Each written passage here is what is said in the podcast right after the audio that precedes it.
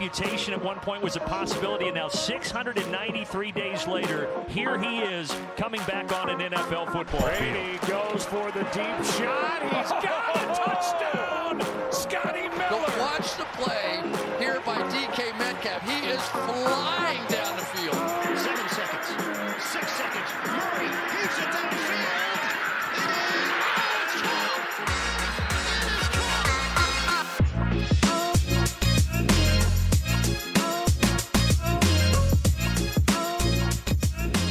Welkom, welkom bij een nieuwe aflevering van de Sport Amerika NFL podcast. Eh, nog slechts drie weken, eigenlijk minder, twee weken en een zondag in dit NFL-seizoen te gaan.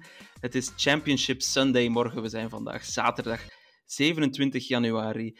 En het is misschien wel eh, het op één na belangrijkste weekend van het NFL-seizoen dat nu aan de gang is. Morgen de twee finales van elke conference eh, voorgeschoteld. De NFC Championship en de AFC Championship. Die willen we natuurlijk uitgebreid voorbereiden, voorbeschouwen, moet ik zeggen.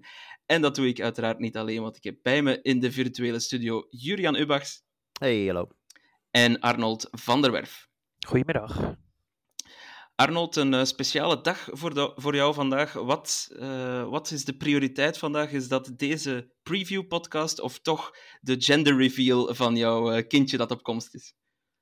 Nou, mijn vrouw luistert af en toe ook, dus dan ga ik toch voor, de- voor de gender reveal. Eh, en als ze even haar ogen dicht doet, dan is het toch wel, ja, nee, eh, kind gaat eh, boven alles, dat sowieso. Maar het is wel bijzonder dat het nou toevallig samenvalt. Maar voor jullie, uh, Toon en jullie maak ik altijd graag tijd, uiteraard. Ja, fantastisch, fantastisch. Eh Jurian, ja, nog maar drie wedstrijden dit seizoen, of vier, mocht je de Pro Bowl als een wedstrijd beschouwen.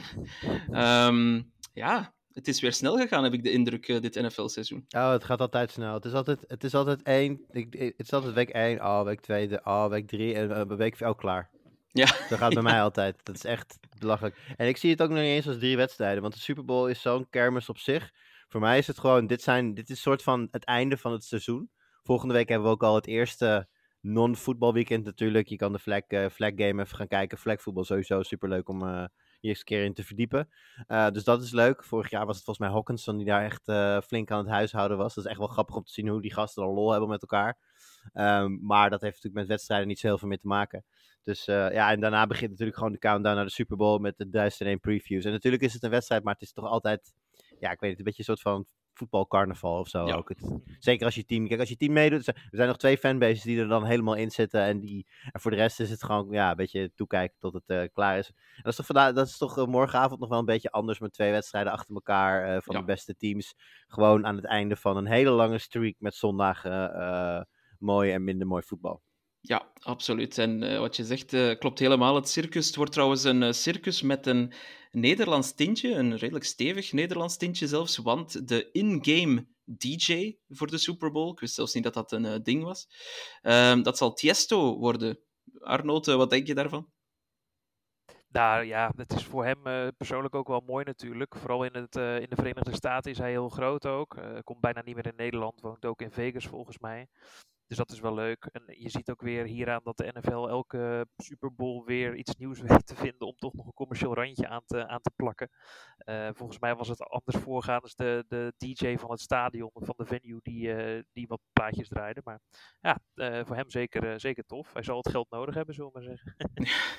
daar, daar twijfel ik eigenlijk een beetje aan, maar oké. Ehm, ja, ik vind, vind het leuker, eh, de, de in-house of de in-game DJ lijkt me aantrekkelijker dan de halftime show. Maar goed, dat is een, eh, een, persoonlijk, eh, een, een persoonlijke voorkeur. Ehm, voor alle duidelijkheid, Usher zal de halftime show doen, voor, mochten jullie dat nog niet weten. Eh, goed, ja, lijkt me 15 jaar te laat of zo. Maar. Als je nou als je als management bent, heb je toch al lang een lijntje uitgegooid naar Taylor Swift, mochten de Chiefs het halen, om die gewoon even uit de box te trekken en eventjes een surprise. eh, het kan toch niet anders na dit seizoen? dat Jason Kelsey dan Taylor Swift zo boven de hoofd zo meetilt naar de, naar de middenlijn en dan eh, de 50-yard lijn en dan gewoon zij gaat optreden of zo. Lijkt me wel mooi, ja. Als dat gebeurt, dan, vind ik het, dan zou ik het niet erg vinden dat de Chiefs de Super Bowl weer, weer zouden winnen. Dat, als dat gebeurt, dan, dan vind ik dat ze hem verdiend hebben. Ja, ja, ja, klopt. Eh alright, voor we de twee games, de twee finales, zeg maar, gaan voorbeschouwen, nog wat nieuws, want er is wel wat nieuws eh, te rapen afgelopen week, eh, vooral wat de coaching carousel eh, betreft. Er zijn heel wat uh, vakante posities ingevuld afgelopen week. De grootste misschien toch wel Jim Harbaugh, die terugkeert naar de NFL. Die laat Michigan achter zich. Um, heeft er wel een national championship gewonnen, dus heeft er eigenlijk alles gedaan wat je maar kan doen. En hij heeft officieel getekend bij de LA Chargers. Jurian, worden de Chargers op, dit, op deze manier een echt team in de NFL? Um, nou ja, dat is lastig om voorhand te zeggen natuurlijk, maar ik ben geneigd om te denken van wel.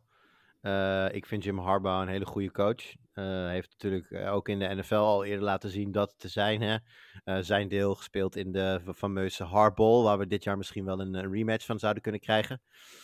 dus ja, ik denk dat wat hij brengt, dat dat ook precies is wat de Chargers al heel erg lang missen. Dat hoef ik jou natuurlijk niet uit te leggen, Toon. Ja.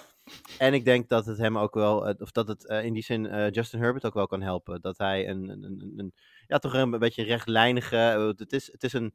Ja, ik, ik vind dat lastig om coaches te klassificeren. Maar ik denk dat je met Drill Sergeant best wel aardig in de buurt zit voor, voor Jim Harbaugh. Zijn broer staat er natuurlijk ook onbekend om een, een tough cookie, cookie te zijn wat dat betreft. Um, ik denk dat het voor Justin ook wel lekker gaat zijn. Dat hij gewoon wat, wat, wat, wat organisatie komt uit staan. Dat, dat, het zal misschien niet uh, de, de, de, de YOLO-stijl die we wel eens bij Justin Herbert hebben gezien, die leuk is om naar te kijken, ten goede komen. Ik denk dat het iets georganiseerder gaat gaan. Uh, kijk bijvoorbeeld ook naar wat een John Harbaugh doet met Lamar Jackson. Het toch beteugelen, niet te gek laten doen. Ja, zoiets verwacht ik eigenlijk ook wel een beetje bij, bij, bij Herbert. En, ja. Ja, en ook wel benieuwd of hij, want dat zijn toch ook wel de verhalen, of hij eventueel voor J.J. McCarthy gaat als eventuele backup voor Herbert, omdat hij hem natuurlijk goed kent. En kan, die kan me dan uh, rol wordt dan natuurlijk ook om de, de, de offenses van elke tegenstander van de week te mimiken. En daarin kan de band tussen Harbaugh en McCarthy natuurlijk ook heel belangrijk zijn. En dan de Chargers flink helpen in voorbereiding. Dus ja, nee, ik zie heel veel positieve kant aan, deze, aan dit huwelijk. Ja, ik ook. ik denk... Ik denk dat het voor Justin Herbert op zich al, al gewoon goed nieuws is om, om stabiliteit te krijgen. Hij heeft ook een contract voor vijf jaar getekend. En Harbaugh, ja, je kan het niet ontkennen. Hè. Overal waar hij gekomen is, heeft hij succes geboekt. Dus uh, het ziet er op het eerste gezicht, op papier, ziet het er alleszins uh, goed uit. Maar er zijn nog posities ingevuld, namelijk bij de Falcons, de Panthers en de Titans. Um, de Falcons misschien de meest opvallende, Raheem Morris. Nu nog, of ja, voorheen nog defensive coordinator bij de LA Rams. Die wordt daar head coach, Arnold, en dus niet Bill Belichick. Vind je dat een verrassing op zich?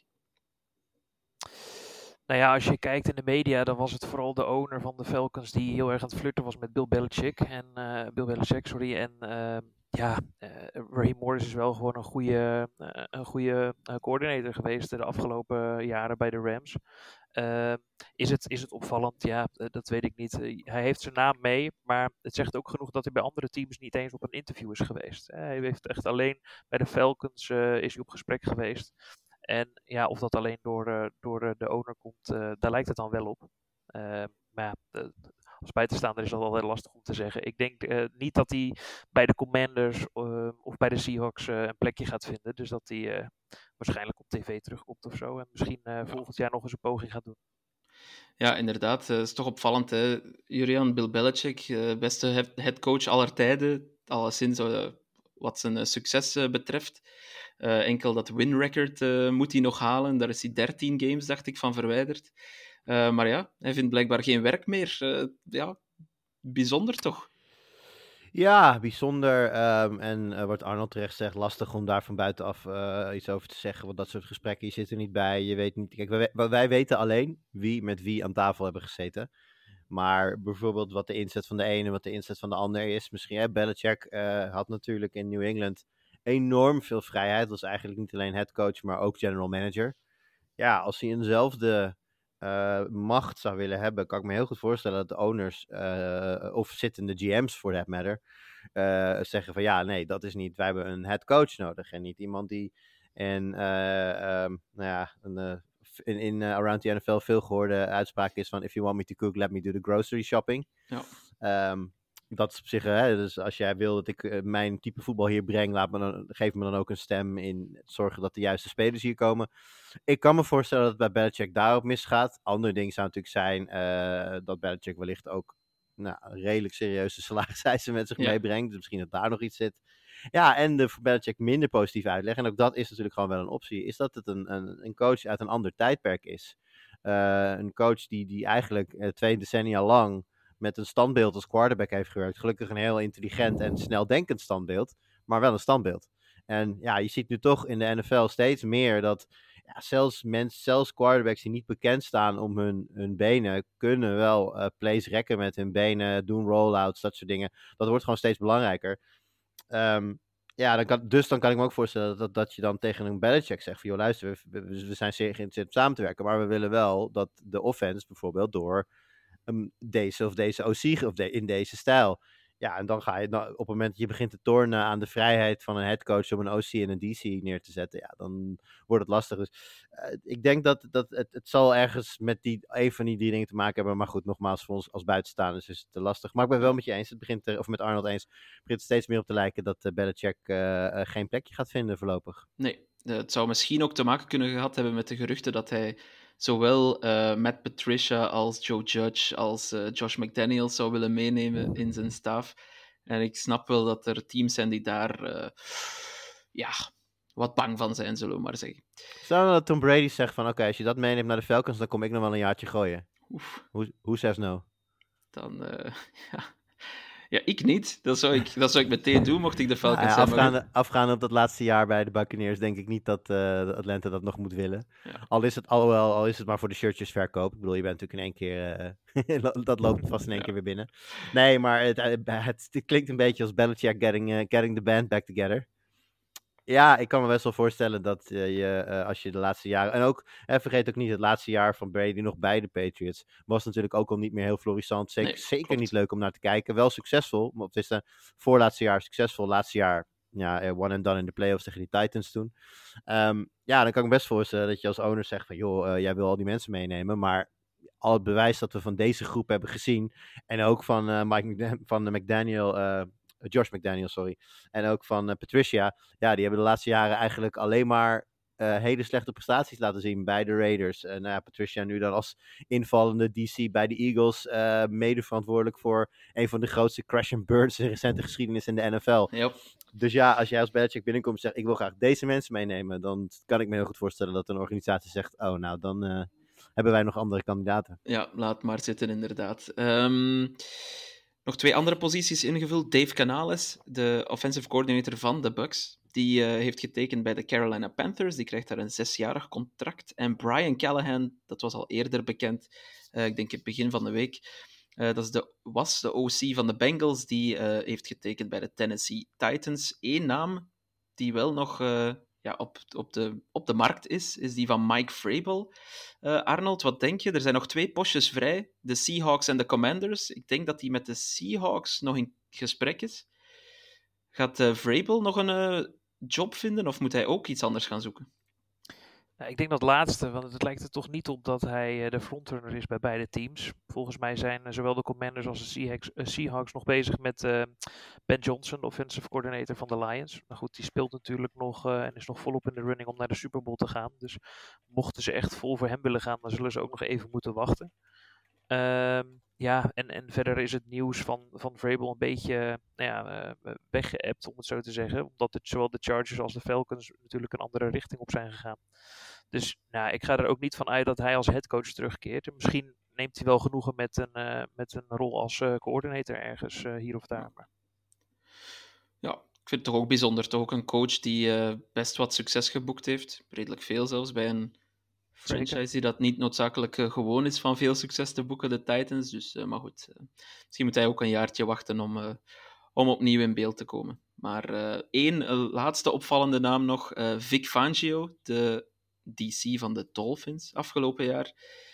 Die zag dat er een opening was bij de Eagles en die is daar ja, echt meteen opgesprongen, uh, meteen zijn ontslag aangeboden bij de Dolphins en is nu al de DC van de Eagles. Jurian, is dat goed nieuws voor de, voor de Eagles of niet? Ik kan dat moeilijk inschatten. Ik denk dat er bij de Eagles behoorlijk veel aan de hand is geweest, omdat het, het aannemen van een nieuwe DC, nou ja, het doet mij niet, nog niet meteen uh, heel enthousiast worden over de Eagles. Ik denk dat ze een heel groot risico nemen met daar niet de hele staf meteen vervangen. Ik denk dat veel mensen eh, best wel eh, verbaasd zijn dat Sirianni daar nog steeds zit. En ehm, ja, nu loop je dus het risico te zeggen van oké, we gaan daar de alle staf vervangen behalve de hoofdcoach. Maar als het dan volgend jaar ineens weer niet werkt, ja, dan heb je toch iets uit te leggen als het gaat om goh, waarom, waarom mag een kapitein die zo duidelijk muiterij heeft gehad aan boord van zijn schip, eh, toch nog een keer uitvaren en wellicht eh, nog een schip verliezen, bij wijze van spreken. Dus ja, ik, ehm, ik weet het niet. Aan de andere kant, ja, ze, zullen er iets in zien. Eh, de, Eagles zijn natuurlijk ook de helft van het seizoen een heel goed team geweest. Het is niet alsof het in één keer een, eh, een slechte franchise is. Als het inderdaad op deze manier op te lossen is, dan eh, ja, more power to them. Maar ik vind het ja, voor, voor mij te vroeg en te moeilijk om dat nu te zeggen. Ehm, de NFL Honors, dat vindt traditioneel plaats de dag voor de Super Bowl, als ik me niet vergis. En ehm, we gaan niet alle finalisten van alle trofeeën bespreken, maar eh, de MVP, toch wel de belangrijkste der trofeeën eh, op de NFL Honors eh, dag of avond. Daar zijn de vijf finalisten van bekendgemaakt, gisteren dacht ik, of eergisteren. En daar zitten niet al te veel verrassingen in, naar mijn gevoel. Brock Purdy, Lamar Jackson, Josh Allen en Dak Prescott zijn de quarterbacks. Er is ook één niet-quarterback bij de finalisten. En dat is misschien niet heel verrassend, Christian McCaffrey. Jurian, is er toch een naam die jij mist, of een naam die hierin zit die je niet had verwacht? Ehm, nou, ik denk dat velen wel hadden, zouden hebben verwacht dat Tyreek Hill ook de laatste vijf zou halen. En wat mij betreft had dat dan ten koste van Dak Prescott of Josh Allen moeten gaan. Ehm, kijk, je hoofd doet op zo'n moment een beetje recency bias. En natuurlijk heb je op dit moment Josh Allen boven Dak Prescott staan. Maar als je naar het, re- het, het reguliere seizoen gaat kijken, 18 weken lang, dan vind ik eigenlijk dat Dak Prescott een beter jaar heeft gehad dan Josh Allen. Dus ik zou dan liever Prescott in die top 5 zien dan Josh Allen. Dus wat mij betreft had, eh had Tyreek Hill hierbij mogen staan ten koste van, eh, van Josh.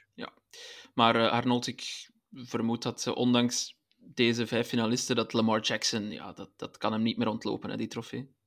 Nee, dat lijkt me niet. Nee, nee hij is gewoon, eh, ja, wat we vorige week ook zeiden, eigenlijk sinds, eh, sinds de bye week is hij alleen maar beter gaan spelen. En heeft hij echt laten zien, eh, ook in de game tegen de 49ers, dat hij toch wel ja, de betere van de twee ten opzichte van Brock Purdy is. Ook al leidt hij in heel veel categorieën. Dus ja, door zijn vertoonde spel gaat hij zeker MVP worden, ja.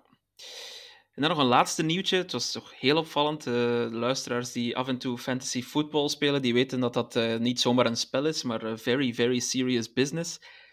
Dat blijkt ook, eh, want er zijn ook competities, eh, vooral in de States, denk ik, waar je redelijk wat geld eh, kan verdienen. Zo ook de National, Football, de National Fantasy Football Championship, moet ik zeggen.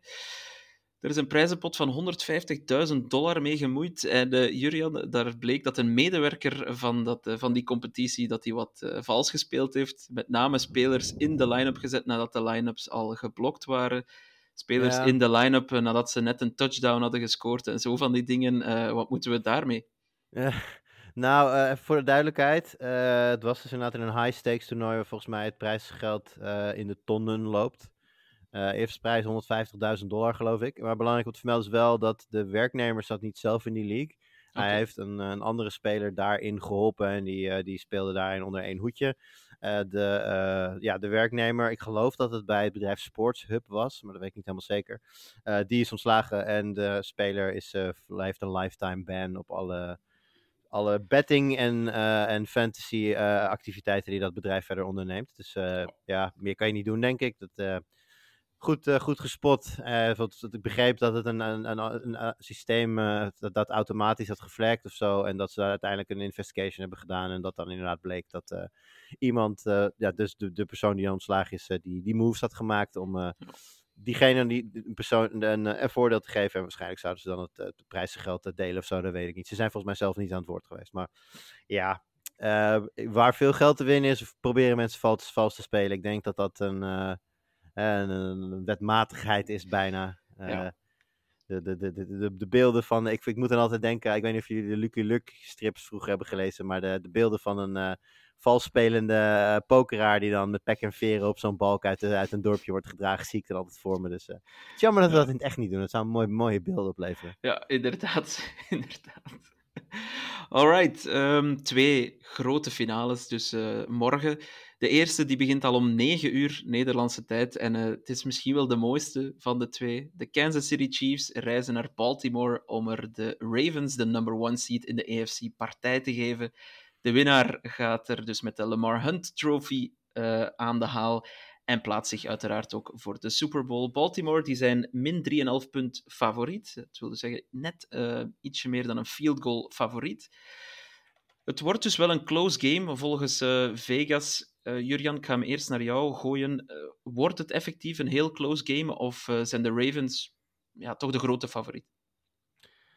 Um, nou, laat ik beginnen met te zeggen dat ik inderdaad vind dat de Ravens favoriet zijn. als ze spelen ze zo thuis, wat natuurlijk uiteindelijk een voordeel is. We hebben, als je door de jaren heen gaat kijken, dan zie je toch, neem even de Patriots als voorbeeld, omdat die natuurlijk vaak in deze game hebben gestaan in de laatste 20 jaar. Zag je toch vaak, als ze hem thuis speelden, dan was dat nou, ik zal niet zeggen garantie voor winst. De Ravens zelf uh, hebben daar notabene nooit nog een stokje voor gestoken. Maar, of nou, dat was in de divisional round, denk ik. Maar maakt niet uit. Thuisvoordeel in de playoffs in januari is een belangrijk voordeel. Uh, en daar, um, daar kun je uh, uit, uit afleiden dat, dat de Ravens favoriet zijn. Tegelijkertijd weten we ook dat dat thuisvoordeel in de, bij, de, bij de bookies ongeveer drie punten waard is. Wat dus eigenlijk aangeeft dat de bookies met deze line zeggen dat ze uh, twee ongelooflijk gelijkwaardige teams tegenover elkaar zien staan. Ik denk dat dat wel klopt. Dat gezegd hebbende, denk ik dat het een blowout wordt in het voordeel van de Ravens. Ik denk dat, ik denk dat uh, de Ravens deze wedstrijd heel dik gaan winnen. Ik zei voor de grap, als je de, als je de Chiefs 7,5 punt geeft, ga ik nog voor de Ravens. Um, Ja, gut feeling. Eigenlijk de beelden van het swarmen op de bal die we afgelopen weekend hebben gezien van de Ravens tegen de Texans. En natuurlijk waren dat, met alle respect gezegd, maar de Texans. Maar ik zag daar zo'n belachelijke drive, zo'n ja, bijna hondsdolheid richting de bal van een, van een, van een volledig uh, team. Uh, dat, en dan in de wetenschap dat een dag later de Chiefs in actie kwamen tegen de Bills die het moesten stellen zonder vijf starters op defense. Die daar echt echt wel, nou ik zou niet zeggen daardoor verloren hebben, maar die daardoor verloren hebben. En um, ja, als ik dat dan naast elkaar zet, dan, dan, dan voelt dit als een opmaat waarbij iedereen hoopt en graag een hele spannende wedstrijd wil. Maar ik denk eigenlijk stiekem dat het best wel is een beetje een mismatch zou kunnen zijn. Ja, ik ga wat, jou, wat jij als score voorspelt, dat ga ik nog even uh, ja, geheim houden tot het einde van het, einde, stukje. Ja. Um, maar inderdaad, uh, ik, ik, zie inderdaad dat je een redelijke blowout voorspelt. Arnold, uh, als we het even over die defense van de Ravens hebben, dan krijgen zij er nog een zeer belangrijke pion bij. Ze zijn denk ik volledig fit ook wat dat betreft. Marlon Humphrey, die zal waarschijnlijk spelen, de cornerback. Is het de defense van de Ravens die dan het verschil kan maken, denk je? Ja, 100%. Ik, uh, ik deel de mening compleet eigenlijk met Julian. Dus voor de luisteraars misschien wat saai. Maar ik zie de Ravens uh, echt uh, dik winnen van de Chiefs. En, en laten we niet vergeten, vorige week was zeker een goede wedstrijd van de Chiefs offense een keer. Kelsey die, die, die speelde een grote rol. Maar als je alle wapens ziet, ook met, met Kyle Hamilton hè, bijvoorbeeld, met Roquan Smith. ik, ik zie ze als defense Kelsey helemaal uit de wedstrijd halen. En ja, dan moet je maar vertrouwen op dat uh, Edward Hilaire weer een goede wedstrijd speelt. Dat uh, Rashi Rice als rookie weer de lood kan, kan dragen. Dat met Pacheco, die ook nog twijfelachtig is, hè, maar daar komen we misschien zo nog op. Ehm, als je dan ook geen run game hebt, ehm, ja, dan, dan wordt het wel echt een heel lastig, een lastig verhaal. En, en ja, thuisvoordeel, dat zal echt wel een grote rol gaan spelen. Dus nee, ik, ik, ik verwacht dat de defense inderdaad het verschil gaat maken. natuurlijk hebben de Chiefs ook al een redelijke defense, maar ja, met, met Mark Andrews die weer terug is, uh, die ongetwijfeld weer een rol gaat spelen in het spel. Uh, met, met alle wapens en hoe ze in vorm zijn, uh, een blowout voor de Ravens. Ja, um, als we dan kijken naar de defense van de Chiefs, Jurian, ja, dat is zo, zo al een beetje heel het seizoen de unit die, die eigenlijk het team op zijn schouders neemt. meer nog dan Patrick Mahomes misschien, verrassend genoeg.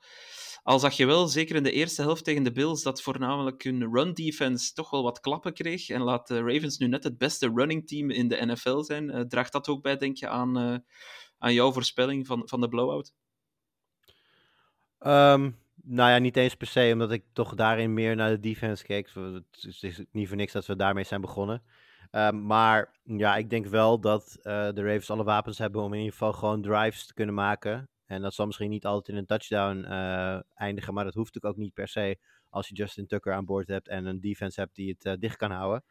Ehm, maar ja, dat daar heel veel wapens staan eh, is duidelijk. En nou, we hadden het natuurlijk net al even over de rol van Harbaugh in hoe Lamar Jackson speelt. En ik ben er echt van overtuigd dat Lamar Jackson um, ja, de eerste, noem het even, 10, 12 weken van het seizoen gewoon echt met een soort van leash om heeft gespeeld. Zo van, joh, wees verstandig, neem business decisions en zorg dat je er staat. Uh, als, want we hebben natuurlijk veel, veel te vaak al meegemaakt daar dat Lamar er uh, voor de season of voor een aantal wedstrijden daaruit was. Nou, dit jaar gelukkig fit gebleven, so far in ieder geval.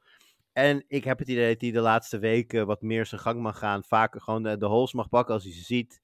En dat hebben we natuurlijk ook afgelopen week weer gezien met diverse cruciale first downs, touchdowns. Ja, en dan met hem. Kijk, het, het, de, de, de, de, in die zin, de saving grace voor de Chiefs misschien is dat de, de Ravens niet een echte top running back hebben op dit ja. moment. Hè, de, de, het is het, is het, het, het, het, uh, ja, het, het geraamte van Delvin Cook dat nog even uit de kast werd getrokken. en, uh, en Gus de Bus die het nog een beetje leuk doet. En dan Justice Hill er nog bij. Ja, dat is niet een. Je kan niet zeggen dat hè, als ze bijvoorbeeld run, als ze dan bijvoorbeeld um, run options doen ja, dat, dat, dan, zal, dan zal een defense zich altijd kiezen op Lamar Jackson, omdat dat dan toch de, de, de beste running back van dit team is, uh, uh, apart genoeg. Dus dat scheelt een klein beetje. Uh, maar verder denk ik dat het voor de Chiefs heel lastig gaat worden, inderdaad, om, om, om dat af te stoppen. Omdat, ja. ja, je, zult een mannetje, je zult een mannetje op Lamar moeten houden. Want als, je, als, je, als, als een man gaan staan en je laat, en je laat Lamar ongelijk, dan loopt hij in drie plays naar de overkant als hij zin heeft. Tegelijkertijd, zeker ook met de, de eventuele terugkeer van Mark Andrews, dat lijkt het er wel in te zitten. Ja, als je overal uh, één op één gaat staan, dan geef, je de, dan geef je Lamar dus in de passing game ook matchups waar die kan van profiteren. Dus uh, oh. het is een goed ding voor de Chiefs dat ze de beste, denk de beste defense in de Mahomes-era hebben nu. Maar dit wordt ook wel de grootste test die die defense heeft gehad dit jaar. Ja, absoluut. Um, kunnen natuurlijk nooit de factor Patrick Mahomes helemaal uitvlakken. Hij heeft toch ook vorige week weer zijn eerste road game, ik zal het voor de laatste keer zeggen, hè. zijn eerste road game in, in zijn playoff carrière heeft hij ook gewoon gewonnen. Is nog nooit niet in de AFC Championship geweest als startende quarterback. Ook dat is een, een, absurd, uh, een absurd gegeven. Wat hij wel gaat missen is Joe Tooney. Die is al zeker oud, de guard van de Chiefs. Toch een zeer, zeer, zeer belangrijke speler. Um, en ik denk dan standaard terug aan die Super Bowl tegen de Tampa Bay Bucks. Toen ineens die O-line helemaal ten onder ging. En, uh, en Patrick Mahomes met hen. Um, is dat een scenario, Arnold, dat we opnieuw kunnen zien nu met Tooney die oud is?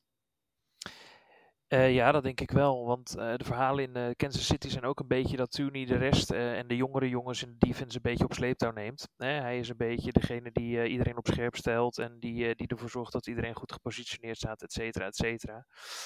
Um, dus dat gaan ze zeker wel missen. En ja, het ging net al over questionable, dat ze Pacheco missen, maar ook Willie Gay is questionable.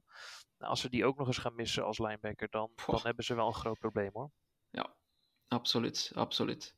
Um, ja, het ziet er niet goed uit. Ik denk dat uh, Patrick Mahomes echt wel wat magie uit zijn, uh, uit zijn handen en misschien zelfs uit zijn voeten uh, zal moeten schudden, Jurian. En vorige week zagen we dan toch eindelijk eens een Travis Kelsey die opnieuw zijn niveau haalde. Het waren geen geweldige cijfers, maar ja, hij scoort wel gewoon twee touchdowns um, en, en geen drops, denk ik.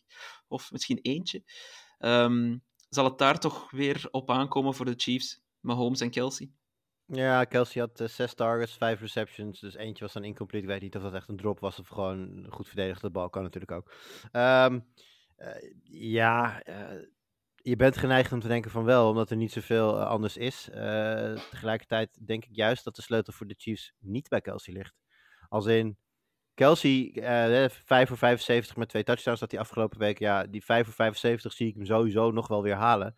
Of dat dan met een touchdown of zelfs twee touchdowns is, dat, ja, dat hangt altijd een beetje af van hè, hoe, hoe, dat dan gaat, zo'n red zone. Tegen deze defense lijkt me lastig. Maar ik denk juist dat hun succes gaat afhangen van een Rushy Rice, van een Velde Scandling. Kadarius Tony, als hij speelt, die is toch questionable volgens mij.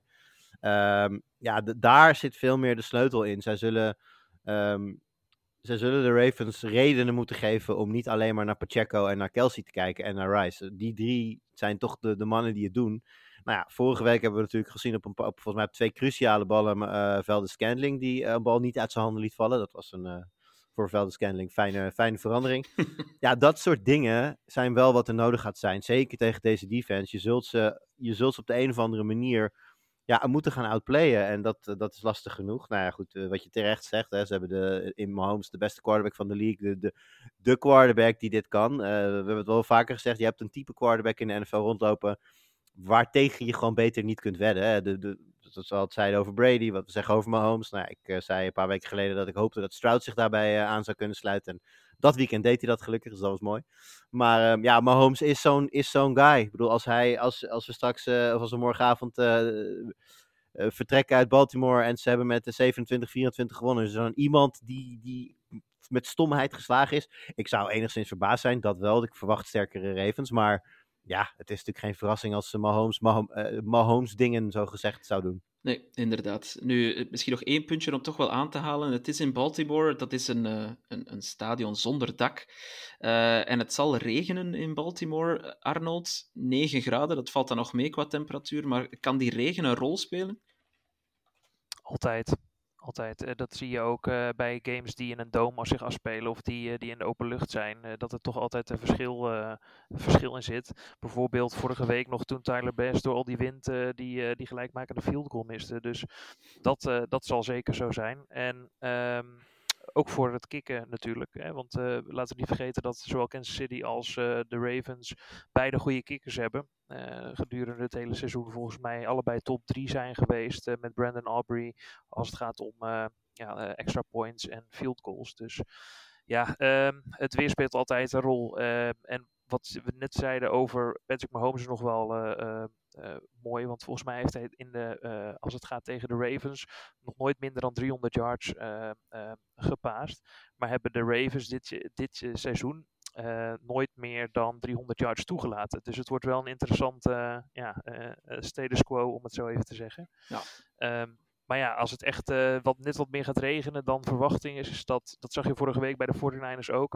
En dan kan het toch impact hebben op de quarterback plays. Ja.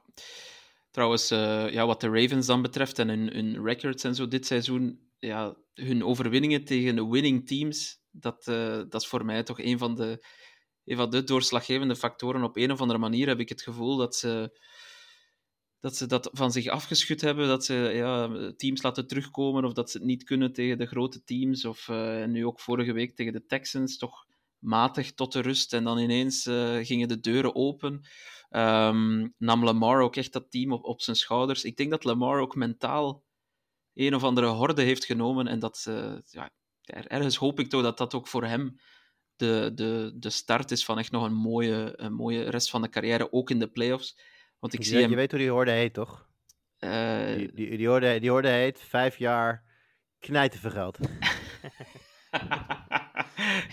Nee, maar dat is wel, dat is wel wat het is. Die, die, Ja. Vergeet niet, we, we we zaten hier een half jaar geleden en toen, ging het, toen, toen hadden de Atlanta Falcons het statement gemaakt dat ze niet van plan waren om Ja. te traden voor Lamar Jackson. En zo waren er nog wel wat andere ploegen. Lamar Jackson was eh, on the way out. Er waren trouwe Baltimore fans die aangaven hun Lamar jerseys niet meer te hoeven. Kom er maar eentje ophalen, was de tweet. D- dat kwam, dit komt allemaal van best wel ver. Kijk, tuurlijk, eh, hij is een goede speler en eh, Baltimore had een goed, goed team staan. Maar dit wat er nu gebeurt, was een half jaar geleden ongelooflijk ver weg. dat klopt. Laten we dat niet vergeten. Du moment dat dat toch rondkwam, dat Baltimore eigenlijk ja, met, met het geld zei van nou oké, prima Lamar, we vertrouwen je, laat het maar zien. En dit is, dit is gewoon precies wat, wat, wat Lamar ook altijd gewild heeft. Gewoon, hij, hij wilde gewoon een vertrouwen, zekerheid voor, voor, voor zijn familie. En hij heeft ook volgens mij ook altijd gezegd van ik wil die zekerheid, dan kan ik alles geven wat ik wil geven en alles laten zien wat ik ben.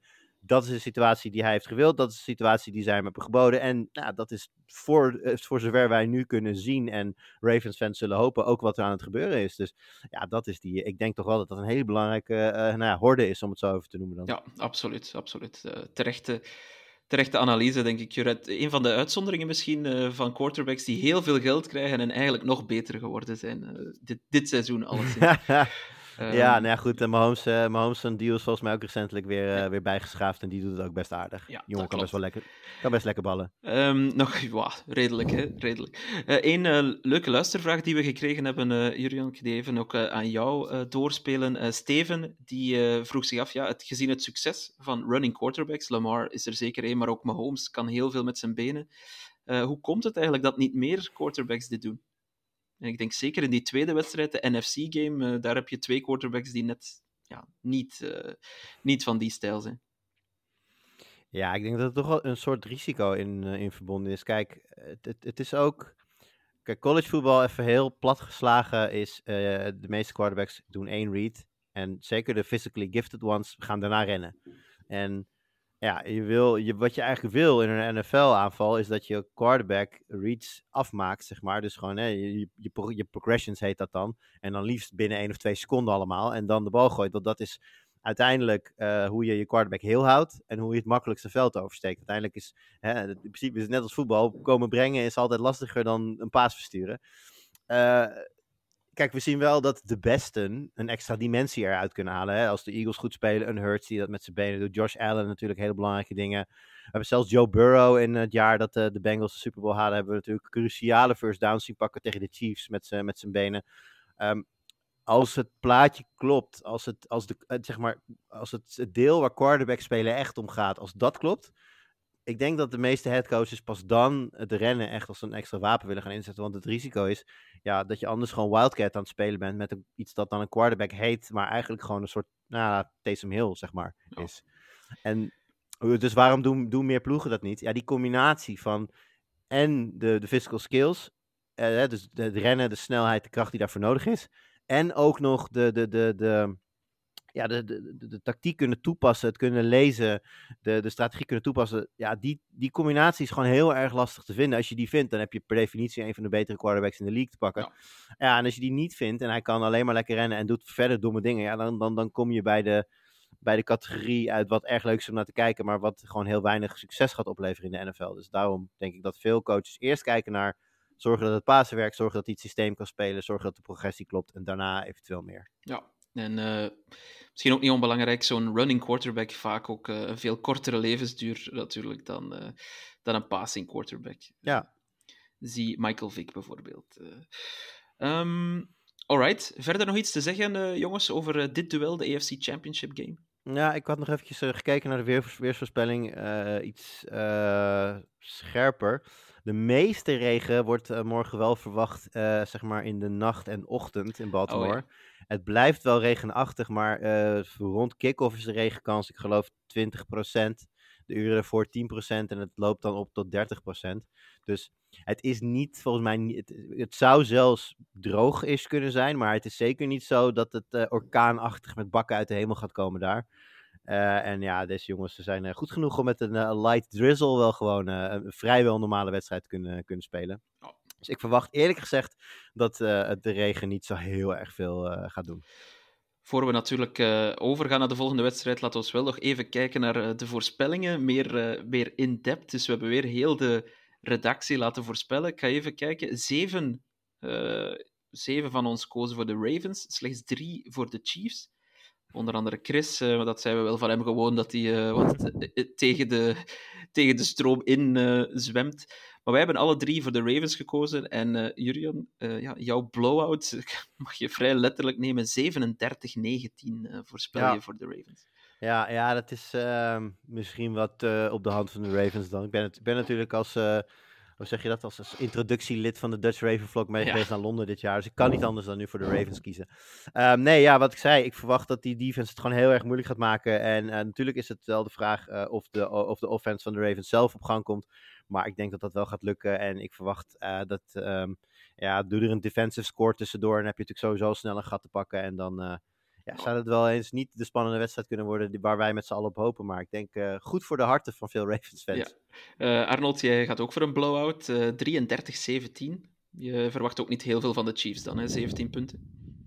Nou, ik denk dat de Chiefs op zich aardig uit de startblokken gaan komen, maar dat uh, de, de Ravens defense het daarna oppakt en ze niet meer dan 17 punten toelaten. En van die 33 punten denk ik dat er toch wel zes op de rekening van Mark Andrews gaan komen. Ik denk okay. dat die uh, ja, op, vooral in de red zone heel erg betrokken gaat worden in het spel.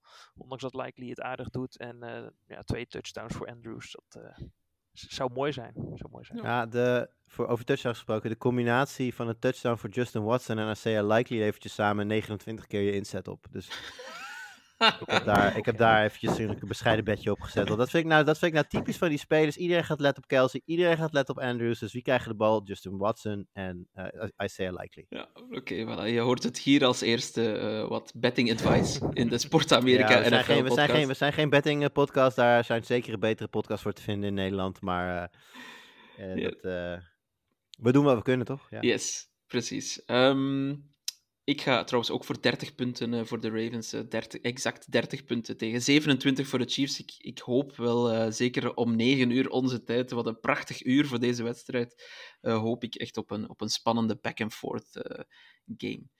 Ja, dat Zeker. hebben de meeste overigens wel. Ik zie inderdaad dat eh, eh, Chris, die dan Chiefs dat winnen, heeft een, eh, een one-score game. Jimmy heeft een one-score game. Lars heeft een one-score game. Sean heeft een one-score game. Dus dat... ik zie veel, veel mensen die het eh, spannend verwachten. En over tegendraadse mensen gesproken trouwens. Tom, Ja. ik, we- ik weet nog dat hij vorige keer ook als enige toen de Dolphins had gekald bij de Chiefs en al dat soort dingen. En die gaat nu zelfs in beide wedstrijden tegendraads. Dus eh, die heeft inderdaad de Chiefs gekald Ja. en dus straks ook de Lions. Dus nou, dat, eh, Tom die, die doet het op zijn manier. Die is wat verstoord, denk ik, dat, eh, dat zijn Panthers eh, een contract aan een rookie headcoach voor zes jaar hebben gegeven. Die wordt helemaal gek als straks eh, Christian McCaffrey met een, met een, met een Super Bowl staat. Ja, absoluut. Alright, de NFC title game, dat gaat dan over de George Halas trof- Trophy. Sorry. Wordt gespeeld in San Francisco. Daar zal het droog zijn en eh, 19 graden, dus zeer aangename American football weer. Die wedstrijd start trouwens om half één, dus 30 na middernacht, om het zo te zeggen. Dus ook nog misschien wel een, eh, een haalbaar uur eh, voor ons Belgen en Nederlanders. En de 49ers, eh, Arnold, die zijn min 7 favoriet, dus krijgen een touchdown. Is dat een gebrek aan respect voor de Lions met momentum, of vind je dat toch normaal?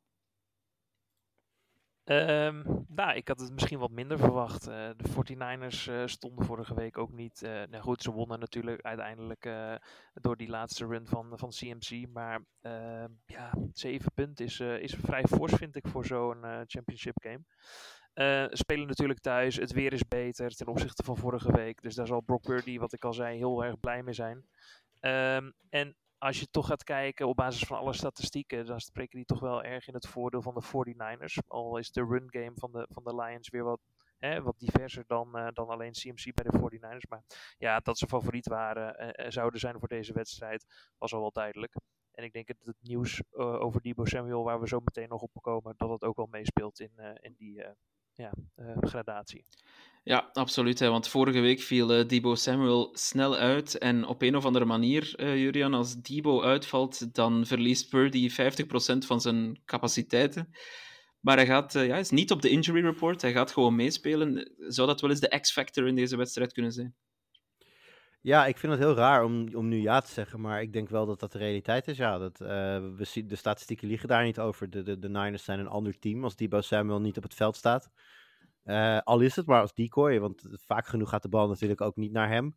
Ehm, maar ik vind het zo raar, want je zou toch zeggen van, joh, geef mij een aanval met Ayuk, Kittle en CMC en dan heb ik echt niet heel veel extra nodig meer. Maar ja, kennelijk, eh kennelijk ja, Debo loopt natuurlijk al lang rond, is een belangrijk deel van het team. Eh, was dat al natuurlijk voordat eh, CMC en ook voordat Ayuk eh, opkwam. Dus wellicht is hij toch ook misschien niet alleen met zijn runs en catches, maar wellicht voor het hele proces eh, als teamlid, als, als aanjager.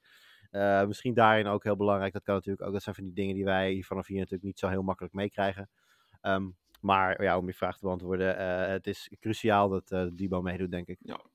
ja, en dan zien we toch dat de 49ers zo goed als blessurevrij zijn, hè, denk ik, Arnold. Dat kan niet gezegd worden van de Lions. Khalif Raymond, dat is een, eh, een returnman vooral, die is out. Maar veel belangrijker nog, denk ik, Jonah Johnson, guard, die zal er ook niet bij zijn. Dus ja, qua O-line tegen die pass rush van de 49ers is dat geen goed nieuws. Nee, zeker niet. En, en eh, kijk, Frank Ragnow staat niet meer op de injury report, maar dat is wel ook eh, ja, een beetje wankel met zijn, eh, met zijn status. Dus ik denk dat het goed is om in het begin van de wedstrijd ook even daarop te letten. Want ja, er hoeft maar net een keer iets verkeerd te gaan en hij kan ook weer in de Blue Medical tent terechtkomen. Ehm, dus ja, het is even afwachten. Misschien dat, dat Golf daardoor ook ja, wat, eh, wat sneller de bal moet afgeven aan, eh, aan Montgomery en, eh, en Gibbs. Het is even afwachten natuurlijk hoe dat zich, zich uitspeelt. Maar dat, ja, het feit dat Johnson niet meedoet is een groot gemis voor, voor de Lions. Ja, absoluut. En Goff onder druk. dat durft al wel eens fout te gaan. Alhoewel dat zijn blitz-statistieken dit seizoen veel beter zijn dan in de rest van zijn carrière. Dus Ben Johnson, denk ik, de OC van de Lions, die doet echt wel een, echt wel een hele goede job daar in Detroit. Zal er vermoedelijk ook beloond voor worden met een headcoaching job ofwel in de hoofdstad ofwel in uh, Seattle. Dat valt dan maar af te wachten. Lars, als we het over de andere quarter... Lars, die zit niet in de podcast. Jurian, als we het over de andere quarterback hebben. Brock Purdy, ja... Hij ligt nogal zwaar onder vuur op een of andere manier. Laat ons niet vergeten dat hij toch nog steeds Mr. Irrelevant is. Hè? Een zevende ronde pick, dat het nog maar zijn tweede jaar als starter is in de NFL. Ja. Zijn we te streng voor hem, voor Brock Purdy? Ja, Brock Purdy. Kijk, uh, Jordan Love, dat is de beste quarterback van de wereld. Packers, beste team van de wereld. Um, Dank je, oh, Lars. Ik dacht even, dat, dacht even dat je... Nee, uh, Brock Purdy. Ja, het is, uh, het is, ik vind het mooi hoe het met die man gegaan is. Kijk, vorig jaar werd hij natuurlijk tegen Willem Doug starter. de eerste ging eruit, de tweede ging eruit. Dus ze kwamen ver, hij raakte geblesseerd.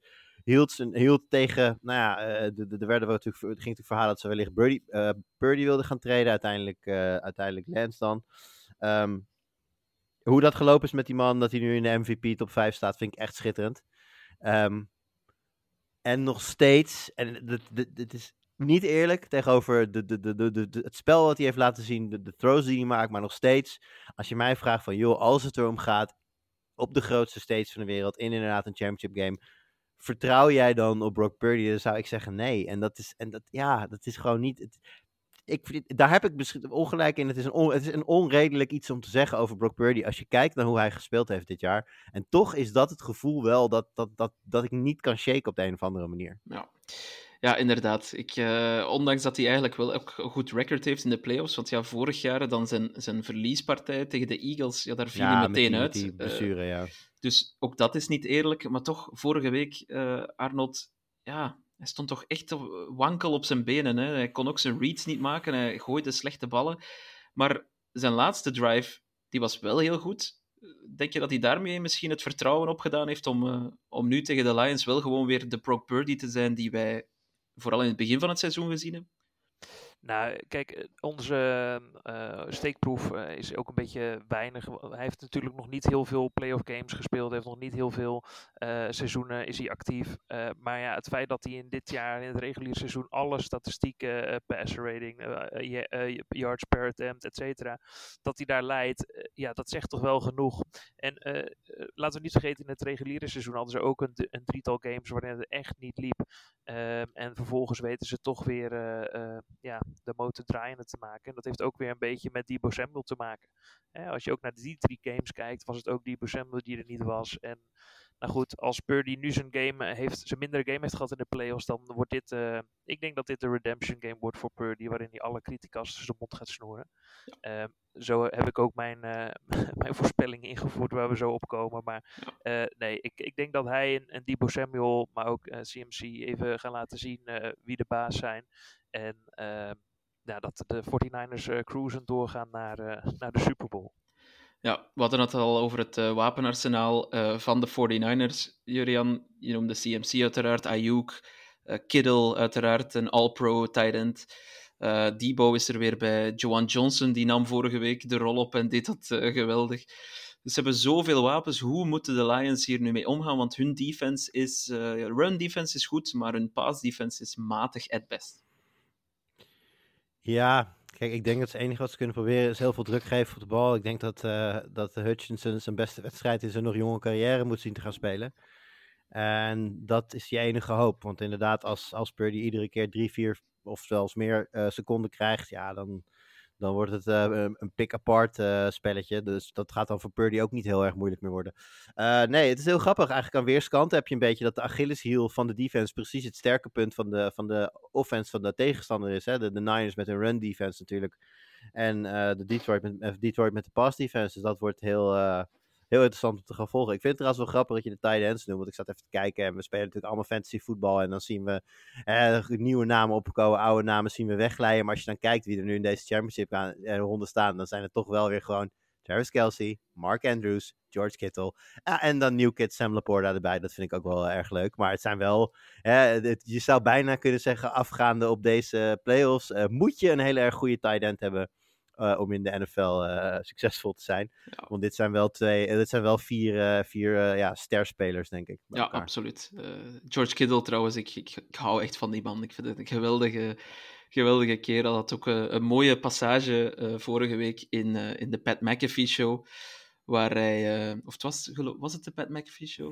Ik weet het niet, maar hij, hij dropte een aantal F-bombs alleszins. En het was, het was weer heel mooi om te de- zien. De man is een legend, net zoals ik eh, Jason Kelsey ook voor altijd een legend vind. Zeker. Maar, eh, ik neem aan dat, je dat, dat de beelden zijn nabesproken in de nabeschouwing podcast. Heel, heel kort zijbrugje daarover. Ik weet niet of je dat, dat mee hebt gekregen, maar in de podcast van de Kelseys hebben ze het daar natuurlijk ook over gehad. En heeft hij dus verteld hoe dat in zijn werk is gegaan. En heeft hij dus ook tegen zijn vrouw heeft gezegd van... eh, ik ga straks mijn shirt uitdoen en dan uit de box klimmen. En dan ga ik bij de Bills Mafia ga ik bier drinken. En toen heeft zij dus gezegd, nee, dat ga je niet doen. En toen zei hij, eh, sorry, dit was niet ik die om eh, toestemming vroeg. Dit was, dit was ik die jou vertelt wat ik zo meteen ga doen. dat was echt, eh, ja, dat was dus, dat was dus, iedereen zei, oh, toen, toen hij zo naar buiten klom, dacht iedereen dat hij hammered was. En dat was hij ook wel, maar het was wel een bewuste keuze. Hij wist van tevoren dat hij dit zou gaan doen. En zijn vrouw was sowieso al zenuwachtig, want het was haar eerste keer dat zij Taylor ging ontmoeten. Dus die, ja, die ging helemaal dood toen, eh, toen haar man eh, in het bijzijn van eh, Poppy Doll, de- Taylor Swift, haar shirt, zijn shirt Ja. uitdeed. En daadwerkelijk daar zo gestaan. Ja, ik denk dat het voor een van de le- meest legendarische shots van het, van het jaar heeft gezorgd. Ik kwam Absoluut. al een plaatje tegen van een gefotoshopte Jason Kelsey bovenop de Empire State Building, al was hij King Kong. Dus eh, ja, nee, de man heeft voor een eh, schitterende divisional round gezorgd. Ik ben benieuwd wat hij, eh, wat hij doet voor een encore dit weekend. Ja, inderdaad. als dit de manier is trouwens waarop hij met pensioen gaat, ja, beter, Ja. beter wordt het niet, denk ik. Maar goed, sorry, sorry voor deze hijack. Terug naar San Francisco. Ja, ja nee, geen, geen probleem. Ehm, ja, als we het even omkeren, Arnold, de Lions inderdaad, fantastische running game. David Montgomery natuurlijk, maar ook en vooral Jameer Gibbs, ook nog zo'n fantastische rookie. Wordt dat de sleutel voor de Lions? Ja, dat en, en ja, goed, kijk, ze hebben natuurlijk First Team All-Pro, eh St. Brown, Amara St. Brown natuurlijk ook nog lopen. Eh, Julian zei het net al, Sam Laporta die doet mee. Eh, even afhankelijk hè, hoe dat met zijn, met zijn opgelopen injury is. Hij stond ook niet op de injury report. Hè. Volgens mij was hij weer af, maar dat is misschien ook nog ook lastig. Misschien dat Urge wel eh, meteen al eh, een rol eh, kan gaan spelen, want die is natuurlijk toegevoegd aan het, Ja. aan het team. Ehm, ja, nee, maar zeker, zeker. En vooral in de red zone is, als je kijkt naar hoe Montgomery en Gibbs allebei in staat zijn om meerdere touchdowns per game te scoren. Het is, het is echt bizar. En ik moet zeggen, het zag er aan het begin van het seizoen eigenlijk niet uit. eh, want eh, de offense die, die eh, eh, maakt eigenlijk minder gebruik van Gibbs. Hè. Het was voornamelijk Montgomery als eerste man in het backfield. En je ziet dat ze Gibbs echt hebben laten wennen aan het spel. En, en echt een, zijn rol in het team hebben ja, laten, laten wennen eigenlijk en laten oppakken. En daardoor is hij echt alleen maar sterker geworden. Dus nou ja, als je twee, als je twee running backs van zulke kwaliteit hebt, dan is dat gewoon, gewoon heel lastig. En ik denk ook tegen de, tegen de defense van, eh, van de 49ers wordt het lastig om echt door de lucht veel punten te gaan scoren. Dus zullen, de voornamelijke punten zullen ook door hun eh, gescoord worden, denk ik. Ik ben eh, bijzonder benieuwd. Eh, ik, ik, ik zie hier even iets in ons voorbereidingsdocumentje verschijnen. Ik moet er toch iets over zeggen, Jurian, maar eh, we, gaan heel even terug naar, naar de AFC Championship game. Maar eh, inderdaad, Lamar Jackson, die jaagt op de Lamar Hunt Trophy. Ehm, Lamar Hunt. Eh, het is een prachtige... Maar eh, ik, ik, zei- ik had even een noot bijgesteld. Dat, het, het verbaasde me dat we daar niet over... Dus ik zag het. Ik dacht van, hoe kunnen we dat niet gezegd hebben? Lamar Hunt, de Lamar Hunt Ja, Trophy. Ja, dat is, eh, dit is een foregone conclusion, ben ik Inderdaad. bang voor de Chiefs. Het staat, nu staat het echt in de sterren geschreven. Sorry, Chiefs-fans, eh, dit, dit komt niet meer goed. Maar goed, even weer een, een side note, maar die, moest ik, die kon ik niet laten liggen, wat is eigenlijk echt wel goed. Oké, wat moeten we nog zeggen over de NFC title game? Hebben we bijvoorbeeld een speler genoemd, eh, die we, of een speler nog niet genoemd, die wel een grote rol zou kunnen spelen? Misschien een Brandon Ayuk. Ik, als ik kijk naar die corners bijvoorbeeld van de Lions, ja, Brandon Ayuk is toch wel iemand die echt eh, het veld heel verticaal kan maken. Het zou ook wel eens, zou ook wel eens schade kunnen toe, toedichten. Ja, zeker. Als je kijkt naar, uh, naar Cameron Sutton bijvoorbeeld. Hè, want uh, als we even kijken naar de, naar de blessures. Volgens mij hebben ze drie cornerbacks. Chase Lucas, Jerry Jacobs, uh, Mosley. Die allemaal geblesseerd zijn. en Cameron Sutton heeft de afgelopen vier wedstrijden 26 completions toegelaten op 32 targets. Met, even kijken, 467 yards en drie touchdowns. Dus dat is niet echt een statistiek. Um, ja, waar je heel gerust van wordt als, als headcoach. Dus ja, dat is afwachten inderdaad. En, en als je daar Ayuk tegenover zet, ja, dan uh, komt hij alleen maar meer in de problemen in dit geval. Dus uh, ja, uh, dat ziet er niet heel florisant uit voor de Lions, om het zo te zeggen. Nee, ik denk uh, wat Julian daarnet zei, dat dat echt wel heel belangrijk wordt. Ik denk dat de Lions defense zal een, een beetje alles of niets moeten spelen, denk ik, in de pass rush. En echt zo snel mogelijk bij Purdy geraken. Anders uh, wordt het heel, heel lastig, denk ik. Ja, er wordt al gesproken dat ze meer dan ooit uh, zone blitzen zullen gaan inzetten om dat te gaan doen. Ja. nou ja, dat, dat, dan moet je dus inderdaad wel snel druk kunnen zetten. Want ja, zo'n zo defense is leuk, maar daar vallen, al, daar vallen per definitie gaten. Alleen ze vallen pas na een paar na enkele seconden. Ja. Dus als, je, als je niet voor die tijd bij de passer bent, dan heb je dus een probleem. Ja. En uh, zeker bij de Niners, want ja, de, de, op dat moment hè, dan heb je een, een CMC al in de flat of uh, een, een, een kittel vrij tussen de nummers. Ja, dan, dan wordt het, dan wordt het prijsschieten. Nu, misschien nog één dingetje. Het was iets dat ik ook in de Around the NFL-podcast uh, hoorde, vooral van Mark Sessler. Um, die het heeft over een soort onverklaarbaar aura wat rond de Lions hangt uh, op dit moment. Zeker ook met hun headcoach natuurlijk, Dan Campbell.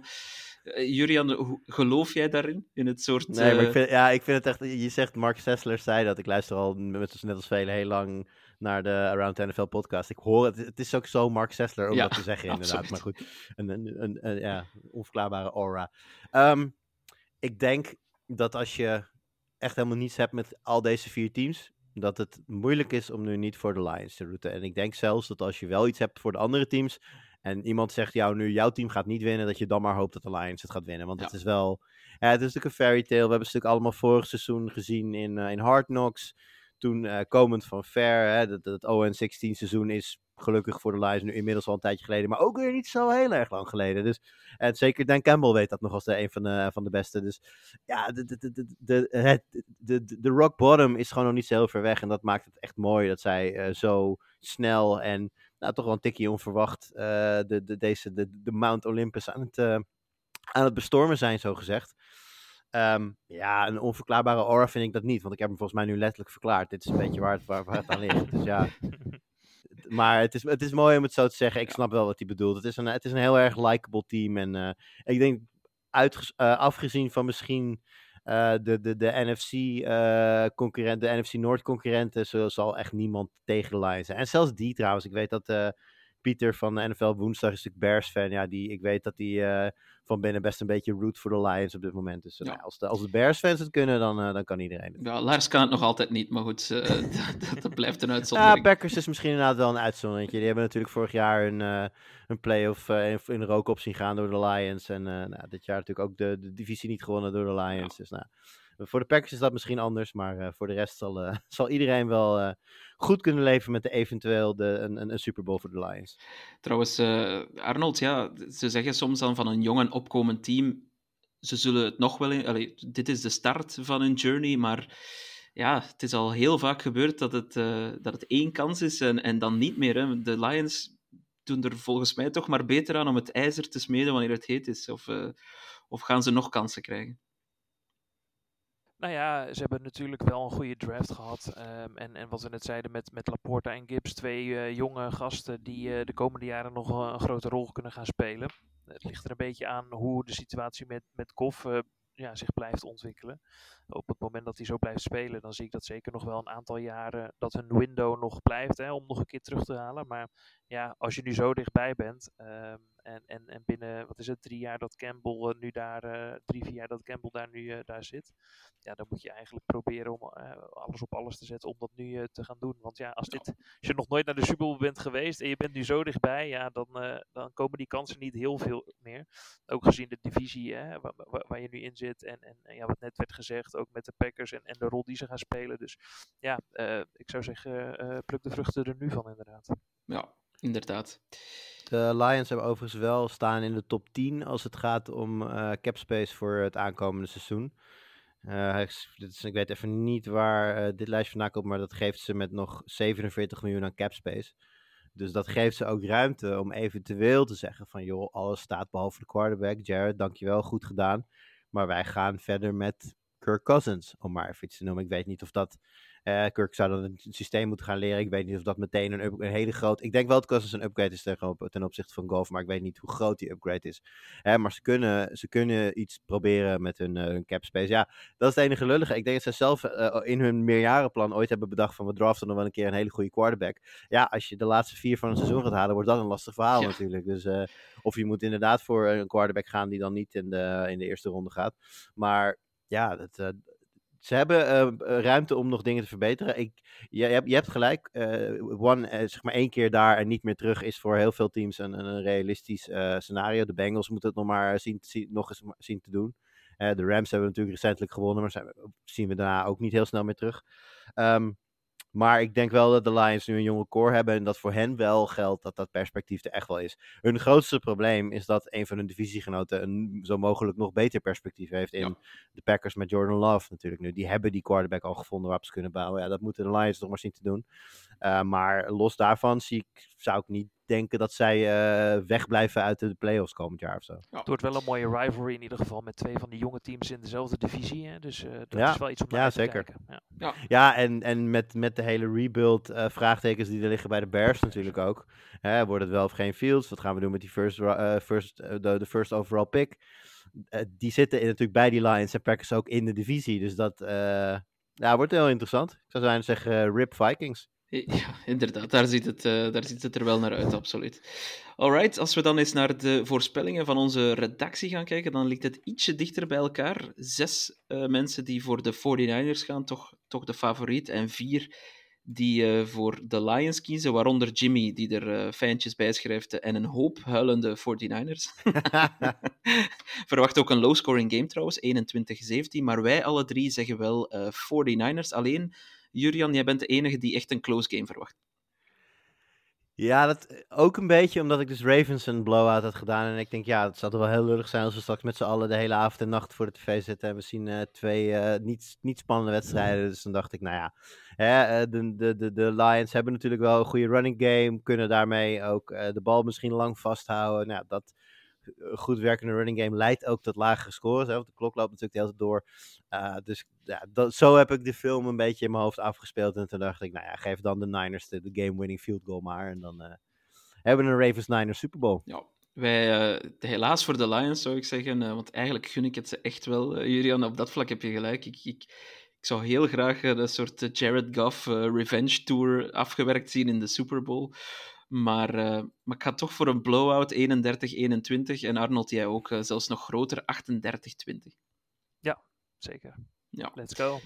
Ja. Hebben jullie trouwens de, de, de, de, uh, de logo-ontwerp uh, conspiracy gehoord? Oh, van, ja, de, van het Super Bowl logo met de van kleurtjes. De kleur, ja, de, ja. De, de, de, Super Bowl logo's krijgen tegenwoordig een kleurtje mee. En dat kleurtje wordt al voor het seizoen gewoon bepaald. En tot de laatste twee jaar hebben dus steeds precies teams met de, de twee kleuren die dan in het logo zitten, de Super Bowl gehaald. Ja. En dit jaar was het logo dus rood-paars. Ja, inderdaad. En, en, krijgen we dus Niners tegen Ravens. Ja, dat dus, is... Uh... Dat hele, dat hele NFL is scripted verhaal, dat kan gewoon weer uit de kast. Ja, absoluut. absoluut. Het gaat, dat gaat nooit meer weggaan, denk ik. dat gaat nooit meer weggaan. Alright, um, inderdaad, als we gewoon naar de voorspellingen kijken, uh, heren, dan gaan wij alle drie, uh, als ik het goed heb, voor een Ravens 49ers Super Bowl. Zijn we daar tevreden mee? Ja, dat gaat wel een mooie, een mooie, mooie game worden, denk ik, zeker. Ja, ja zeker. En ik uh, sowieso... Uh, storylines zijn richting een, een, een, een, Super Bowl net zo belangrijk als de wedstrijd. Want je moet er uh, als, als NFL-fan toch ook maar de hele week naar luisteren. en weer alles over de jeugd van Patrick Mahomes en de jeugd van Travis Kelsey. En weet ik het wat allemaal. Uh, dat wordt een beetje. Ja, goed. Toon en ik mogen daar niet over klagen. Wij hebben natuurlijk met groot plezier dit heel erg vaak met de Patriots mee, meegemaakt. dus ik snap inmiddels hoe al die mensen naar de Patriots ja, kijken al die jaren lang. Uh, ik voel die pijn nu ook. En, um, dus nee, li liever de Chiefs niet. En nee, ik, Niners, Lions, dat, uh, dat, dat is voor mij inderdaad om het even. Ik zou het voor allebei schitterend vinden. Niners, omdat ik vind dat ze het meest verdienen over op basis van het hele seizoen. Lions, omdat ik het een erg leuk team vind. En het, dat team iets meer gun nog. En eh, ja, aan de andere kant ben ik gewoon zeer duidelijk voor de Ravens. Yep. Ik ook. Ik sluit me daarbij aan. Misschien Ravens-Lions is misschien mijn, mijn droom Super Bowl als ik naar deze vier teams uh, kijk. Alright, heren, we zijn er door. We zijn er helemaal klaar voor, hè, denk ik. Voor Championship Sunday. Nog even herhalen. Om 9 uur onze tijd beginnen we eraan met Chiefs op bezoek bij de Ravens. En dan om 12 uur 30, dus om half 1 s'nachts, uh, gaan we door met de 49ers, uh, die de thuisploeg zijn tegen de Detroit Lions. U hoort uh, alles over die games uiteraard in onze recap-podcast begin volgende week. En rest er mij dus enkel nog jullie te bedanken om erbij te zijn. En tot de volgende keer. Tot de volgende keer. Ciao.